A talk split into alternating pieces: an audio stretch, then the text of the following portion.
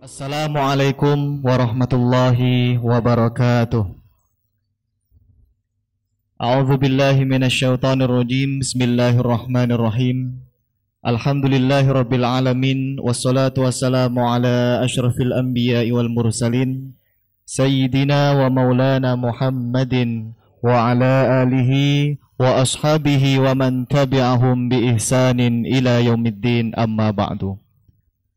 Jamaah dan pemirsa di rumah yang dirahmati Allah Subhanahu wa taala.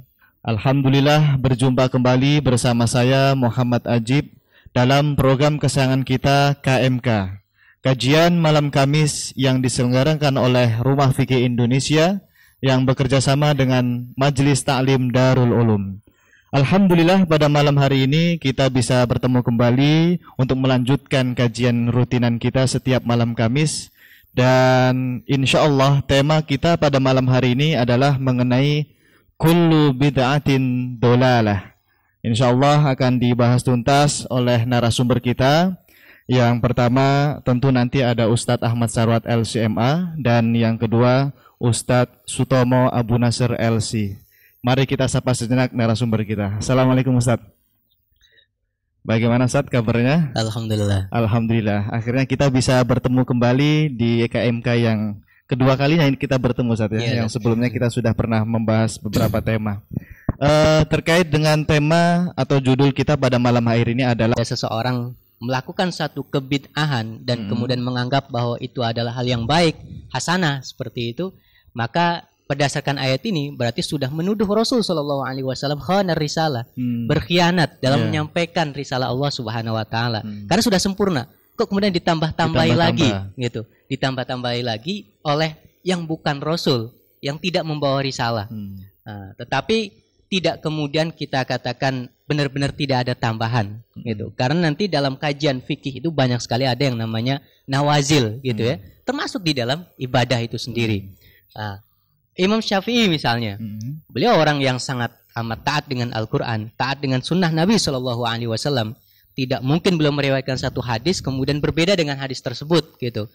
Dalam riwayat Robi bin Sulaiman Al Muradi salah satu muridnya beliau mengatakan, e, bagaimana mungkin atau di mana saya harus berpijak di kaki saya ini atau di hmm. langit mana saya harus bernaung Ida rawaitu hadisan an Rasulullah sallallahu alaihi wasallam wa qultu bi ghairihi. Hmm. Jika saya meriwayatkan hadis dari Nabi tapi kemudian saya berpendapat dengan yang berbeda dengan hadis hmm. tersebut hmm. gitu. Tetapi walaupun beliau sangat mengimani ayat tersebut dan juga sangat mengamalkan hadis-hadis Nabi Shallallahu alaihi wasallam, ternyata dalam prakteknya gitu ya Imam Syafi'i membagi bid'ah menjadi dua. Hmm. Ada bid'ah yang hasanah hmm. atau yang terpuji, ada juga yang dolala. Kalau bid'ah dibagi menjadi dua, ada yang hasanah, ada juga yang sayyah ya.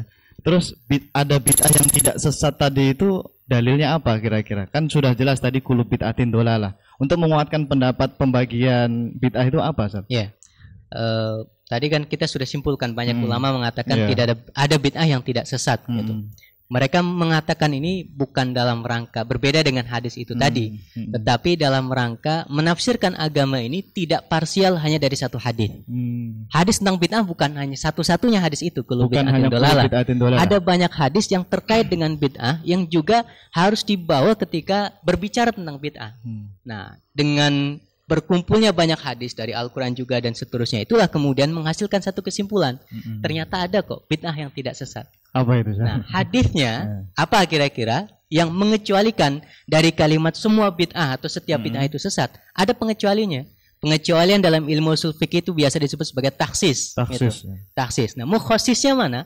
Mukhosisnya hadis-hadis yang lain. Mm. seperti hadis yang mungkin sebagian kita juga ada yang hafal uh, man amila amalan laisa alaihi amruna fahuwa raddun. Mm -hmm atau man ahdatha fi amrina bacaan sholat itu hmm. tapi dikarang sendiri dikarang sendiri dan dikarang oleh Ibnu Hajar disebut sebagai ihdath nah itu gitu. sesuatu yang ihdath sesuatu yang baru, baru. yang tadi kan padahal harusnya kan begini hmm. solu kamaro itu buni usolli sholatlah kamu sebagaimana yeah. kamu melihat aku sholat hmm. jadi baca bacaan ya. ini nih ada hadisnya enggak hmm. enggak ada berarti bid'ah kan gitu kan hmm. ternyata enggak gitu makanya hmm. kalau kita ditanya sujud sahwi itu bacaannya apa?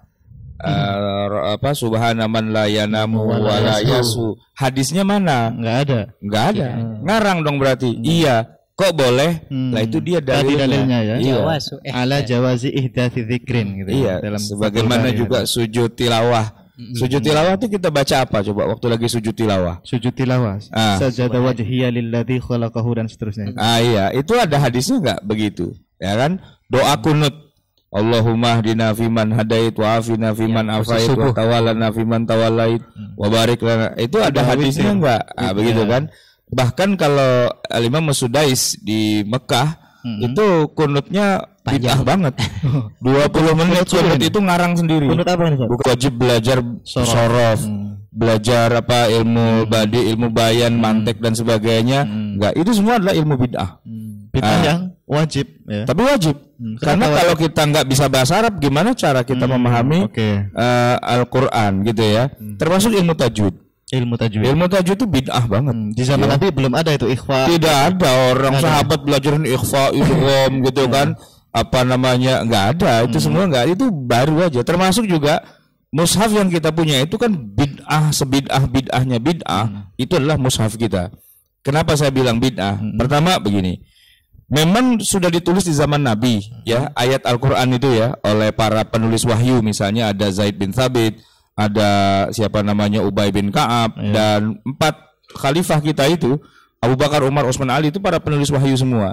Tapi ingat ya, di zaman itu tidak ada yang namanya babet apa namanya titik, tidak ada harokat. Mm-mm. Jadi ba, ta, sa itu Sama. tidak ada titiknya sama, ya kan? Terus jim, ha, ho juga tidak ada titiknya. Fa, kof tidak ada titiknya. Boro-boro titik. Kemudian yang namanya fathah, kasroh, dhammah, tasdid, Belum apa ada itu. semua itu kan nggak ada. Nomor ayat apalagi nggak ada. Kan Jibril waktu menurunkan Al-Qur'an, Iqra bismi rabbikal ladzi khalaq. Itu kan nggak bilang ayat satu ya. Ya. Khalaqal insana min 'alaq. Ayat dua ya. Kan nggak ada. Itu yang ngasih nomor siapa? Nabi, bukan. Bahkan para sahabat juga enggak, enggak ngasih nomor. Makanya sampai hari ini kalau ditanya, ini muslim nih kan kita semua ya. Ya. Beriman kan pada Quran? Ya. Saya tanya, berapa jumlah ayat Al-Quran? Hmm, jumlah. Katanya sih 6.666.